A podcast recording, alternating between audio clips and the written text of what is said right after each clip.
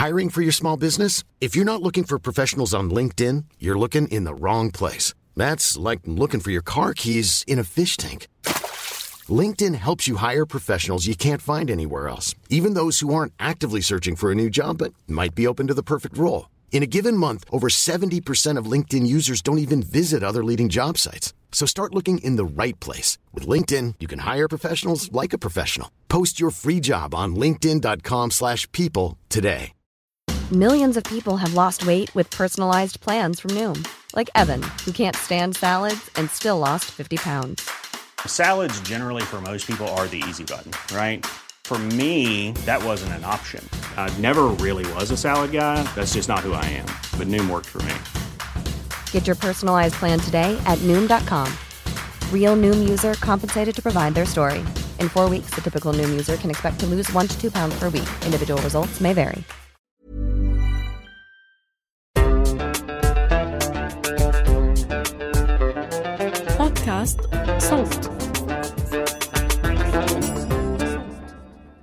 مرحبا.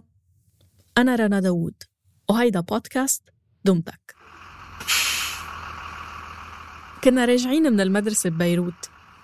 على الطريق شغل الشوفير المسجنة. خلال لحظات كانوا تلاميذ عم يرقصوا ويهيصوا ويغنوا. حسبي ربي لسامي يوسف.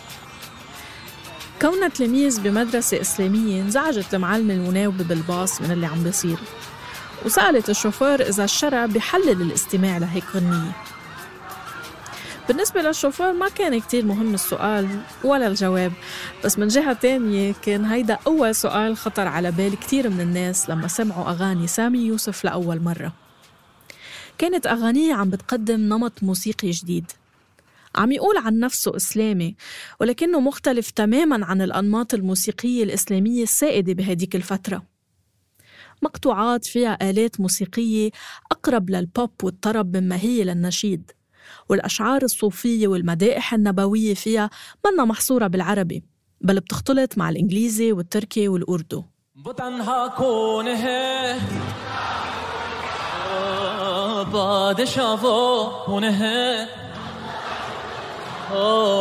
مهری بابا کنه اونچی شان ہے اللہ اللہ. کی سب نشان ہے اللہ اللہ. سب دلوں کی جان ہے اللہ اللہ. حسبي ربي جل الله. مرحبا فيكن بسلسلة دمتك الرمضانية.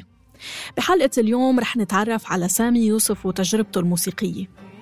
شو هي الظروف اللي أحاطت بشهرته؟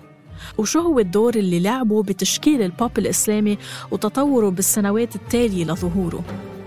لما بدا يتفنى لما بدا يتفنى أمان أمان أمان أمان هبدي جمال فتنا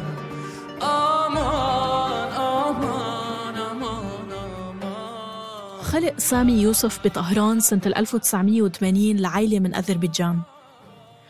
ولما صار عمره ثلاث سنين انتقلت عائلته لتعيش بلندن. هونيك أتيح لسامي إنه يتعرف على أنماط مختلفة من الموسيقى. وكون والده أستاذ موسيقى سنحت له الفرصة إنه يتعلم على آلات موسيقى غربية مثل البيانو والكمان وكمان آلات شرقية مثل السنتور والعود والدف. كان اهتمام سامي منصب على العزف والتأليف. لحد ما بيوم من الأيام كان عم يدندن بالحمام وسمعوا أبوه اللي اعتبر صوته يصلح للغناء وطلب منه إنه يشتغل على تطويره. بعمر 16 سنة تعمق اهتمام هالمراهق بالدين وازداد التزامه بالتعاليم الإسلامية من دون أنه يختفي اهتمامه بالموسيقى. بعد تخرجه من الثانوية درس سامي الموسيقى لفترة قصيرة بال Royal College بلندن. بس ما استمر لوقت طويل لإحساسه بأنه المنهج وطرق التدريس قديمة ومحدودة وانتقل لدراسة الحقوق. بهيدا الوقت كان صديق طفولته براء خريجي ابن زعيم حركة النهضة التونسية راشد الغنوجي. عم يأسس مع مجموعة من أصدقائه المسلمين البريطانيين شركة إنتاج فني. سموها Awakening أو الصحوة بالإنجليزي. كانوا هودي الشباب معترضين على الصورة النمطية للمسلمين والإسلام بالميديا الغربية. وكان هدفهم تقديم محتوى فني إسلامي بيظهر صورة عصرية وحديثة للإسلام بمستوى فني وتقني احترافي وعالي الجودة. كان سامي يوسف عم يبتعد عن الموسيقى ليركز أكثر على مستقبله بالمحاماة. لما إجا براء وعرض عليه إنه يسجلوا ألبوم كامل. تحمس سامي للفكرة وبالفعل رجع مرة تانية للموسيقى. سنة 2003 وقبل بداية حفلة لفرقة ريحان الإسلامية الماليزية بمدينة لندن غنى سامي يوسف أمام الجمهور لأول مرة. وبنفس السنة صدر ألبومه الأول المعلم. كانت الآلات الإيقاعية مثل الدف حاضرة بالألبوم كله وبين أنه في محاولة خجولة للتغيير بالقالب التقليدي للمدائح الصوفية وللأناشيد من دون أن تجرؤ على التحرر منه. أبا القوسين يا حبيبي يا محمد يا شفيعي يا محمد خير خلق الله محمد. يا مصطفى يا إمام المرسلين يا مصطفى يا شفيع العالمين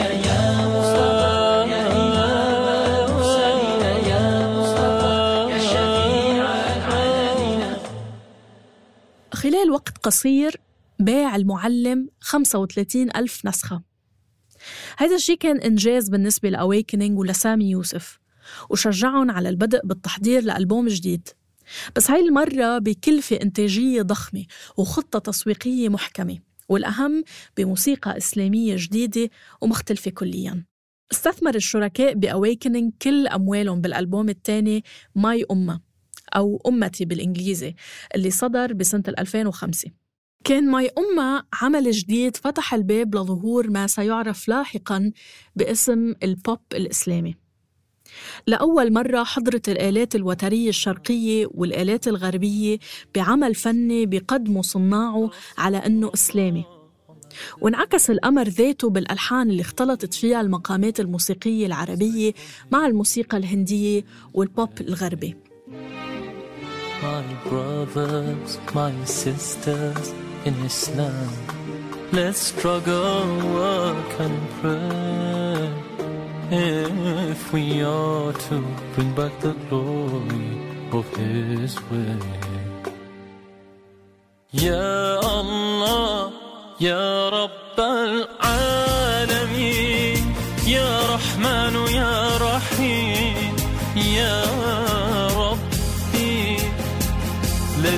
ummah rise again يا الله يا رب العالمين يا رحمن يا رحيم يا ربي rise again let us see daylight again once again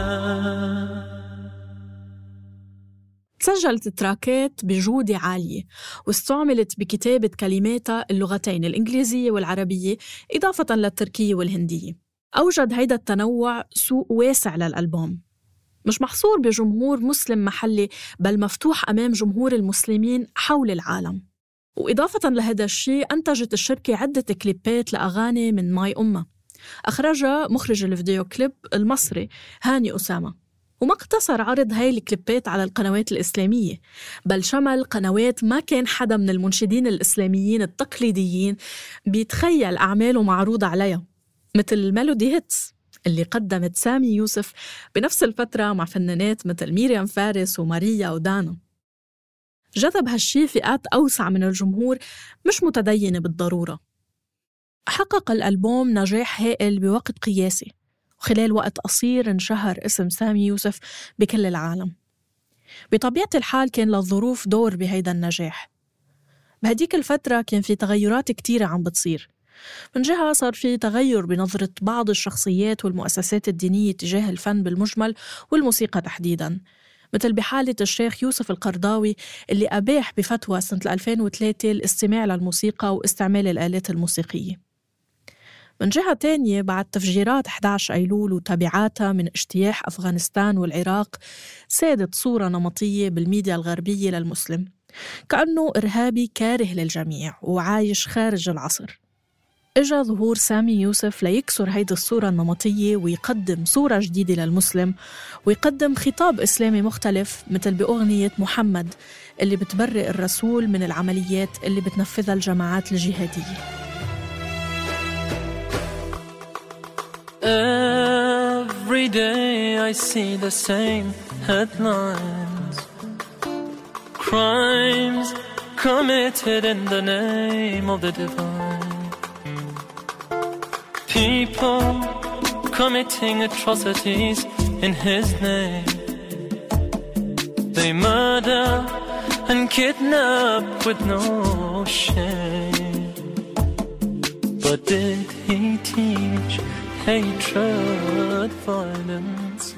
ومقابل صورة الإرهاب الجاهل والأمي والقبيح العابس ظهر سامي يوسف بكليب حسبي ربي كشاب وسيم وبشوش ومتعلم ناجح بشغله وقادر أنه يتأقلم مع الناس على اختلاف أديانهم وثقافاتهم مدير بشركة مالية بلندن وعازف بفرقة موسيقية بإسطنبول بكزدر وبيلعب مع الولاد بالهند وبيحفر على الخشب بالقاهرة. كل هيدا بجو مبتهج مع وجوه مبتسمة وألوان بيغلب عليها الأبيض والموسيقى الفرحة والسريعة اللي بتخلي أي حدا يرقص. جذب نموذج سامي يوسف اللي قادر يجمع ويوفق بين ليبراليته وعصريته وبين إسلامه ملايين الشباب والمراهقين المسلمين حول العالم. تحول سامي يوسف إلى أهم pop star مسلم وحتى مجلة Time لقبته أكبر rock star مسلم. بيقلدوه المراهقين بحركته وسلوكه وأفكاره وبتحلم المراهقات بعريس آدمي مثله بمقابلة مع مجلة Time بيشرح براء خريجي من وجهة نظره سبب شهرة سامي يوسف. هو بشوف إنه الميديا كانت بتحط الشباب المسلم أمام خيارين فقط. إما مشاهدة فنانين وفنانات عم يرقصوا وعايشين حياة بذخ وترف ما بتشبهن وما بتمثلن أو مشاهدة خطابات أسامة بن لادن المتطرفة واللي كمان ما بتعبر عنهم. أما مع سامي يوسف فشعروا لأول مرة بأنه في حدا بيشبههم وبيمثلهم على التلفزيون. أسس نجاح ألبوم My Ummah لتطور نمط جديد من موسيقى البوب الإسلامية. بالسنوات التالية قدمت Awakening عدة مغني بوب مسلمين مثل حمزة نمرة وحمود الخضر ومسعود كرتس. إضافة للمغني اللبناني السويدي ماهر زين اللي يعد الأشهر حاليا بهالسوق. وعلى اختلاف تجاربهم كرست هالمجموعة من الفنانين صورة المسلم ال modern اللي بدأت مع سامي يوسف. ونجحوا بأنه يتحولوا ل role model أو مثل أعلى بالنسبة لكثير من المراهقين والشباب المسلمين حول العالم. وهالشي أكد عليه تعاونهم لاحقا مع برامج موجهة بدورها للشاب المسلم المعاصر مثل أدائهم تيتر برنامج خواطر للإعلامي السعودي أحمد الشقيري اللي قدم 11 جزء رمضاني. متحدين نقف متفرقين نسقط. ميزنا الله بأن لنا عقلا يتدبر. أما سامي يوسف وعلى الرغم من نجاحه الكبير انفصل عن شركائه فقرر ياخد مسار مستقل ومختلف. بين سنة 2009 وال 2014 طلع أربع ألبومات أعطى فيها مساحة أكبر لموسيقى البوب والروك وحتى الراب وكمان القصايد الصوفية اللي مش بالضرورة تتوافق دايما مع النظرة الدينية التقليدية.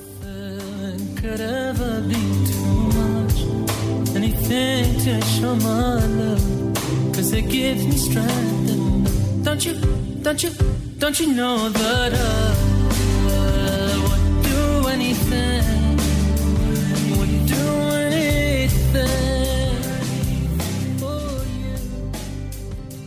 مع مرور الوقت أبدى سامي يوسف انزعاجه بمقابلاته من تصنيف الموسيقى تبعه بخانة الأناشيد أو بخانة البوب الإسلامي. بالنسبة له تسمية موسيقى روحانية أو Spiritique هي الأفضل لتوصيف عمله. يمكن هذا الشيء بسنة 2015 ومع ألبوم Songs of the Way خلاه يبتعد عن الموسيقى الغربية مقابل العودة للتراث الموسيقي للبلدان الإسلامية المختلفة. من القوالي الهندية للموسيقى الفارسية وصولا للإنشاد الصوفي العربي مثل بأغنية رمضان 2015 اللي حملت اسم خريف أو أوتم. لا إله إلا الله وكل محتاج. لا إله إلا أنت لك الغنى. ومثلي من يخطئ ومثلك من يعفو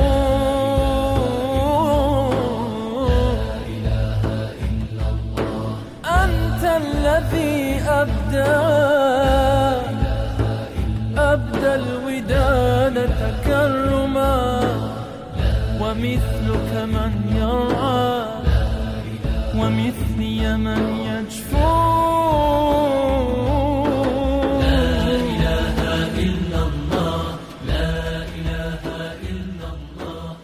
استمرت هيدي الردة التراثية بالألبومات التالية مثل بركة اللي أعاد فيه تقديم أغاني تراثية مثل ماست قلندر. وهي أغنية بتحتفي بشيخ صوفي اسمه شهباز قلندر.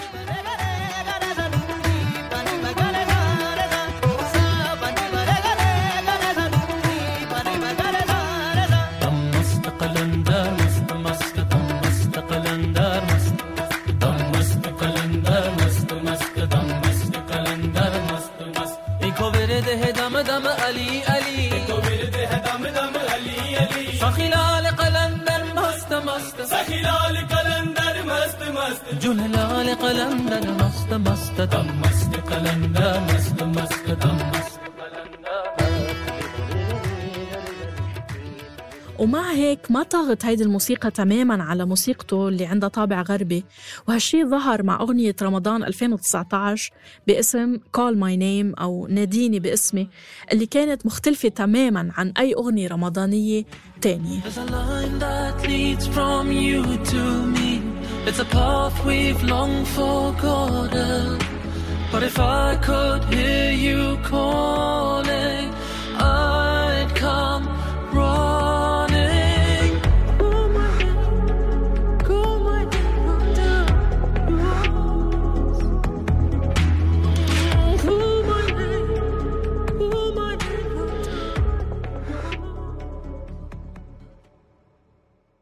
سامي يوسف منفتح على التجريب والتغيير وعلى التنقل بين مروحة واسعة من الأنماط الموسيقية الغربية مثل البوب والروك والشرقية مثل المقامات العربية والقوالي والذكر الصوفي وصولا للمخانة الأذربيجانية.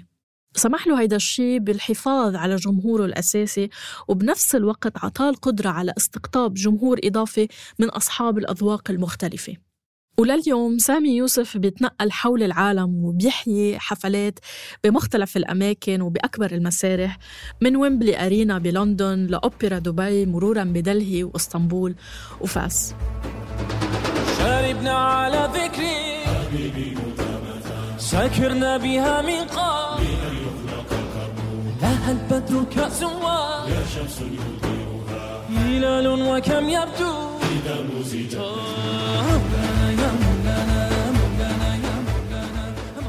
رح يبقى سامي يوسف بذاكرة جيلنا اللي تربى مع صعود الفضائيات. هو الشاب غير العربي اللي قدر بأغنية وحدة يطبع ببالنا شخصية مسلمة بتحب الموسيقى وبتحب الله وبتحب الحياة.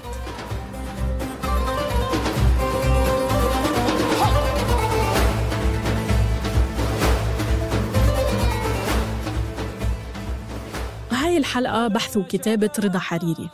تحرير صابرين طه وإخراج صوتي تيسير قباني. النشر والترويج مرام النبالي وبيان حبيب. كنت معكم بالمتابعة والتقديم أنا رنا داوود. إذا حابين تسمعوا حلقات دمتك الرمضانية تأكدوا أنكم تشتركوا أو تعملوا subscribe بقناة دمتك على تطبيق البودكاست اللي عم تسمعونا عبره. دمتك من إنتاج صوت. شاربنا على ذكري سكرنا بها من قبل. لها البدر كأس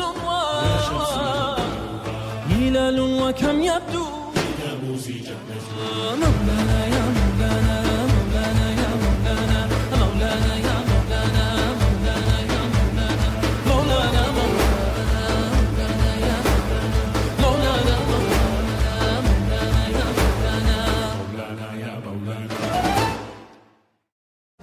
April is the month of the military child. Come celebrate at the National Museum of the United States Army, where they tell the story of Army children all year long. Their Growing Up Army exhibit features Army kids sharing their adventures about Army life, and their Brats to Boots interactive introduces visitors to kids who grew up in Army families and chose to serve as soldiers too. Come celebrate Army kids at the National Army Museum, just off I 95 in Alexandria, Virginia. Plan your free visit at usarmymuseum.org.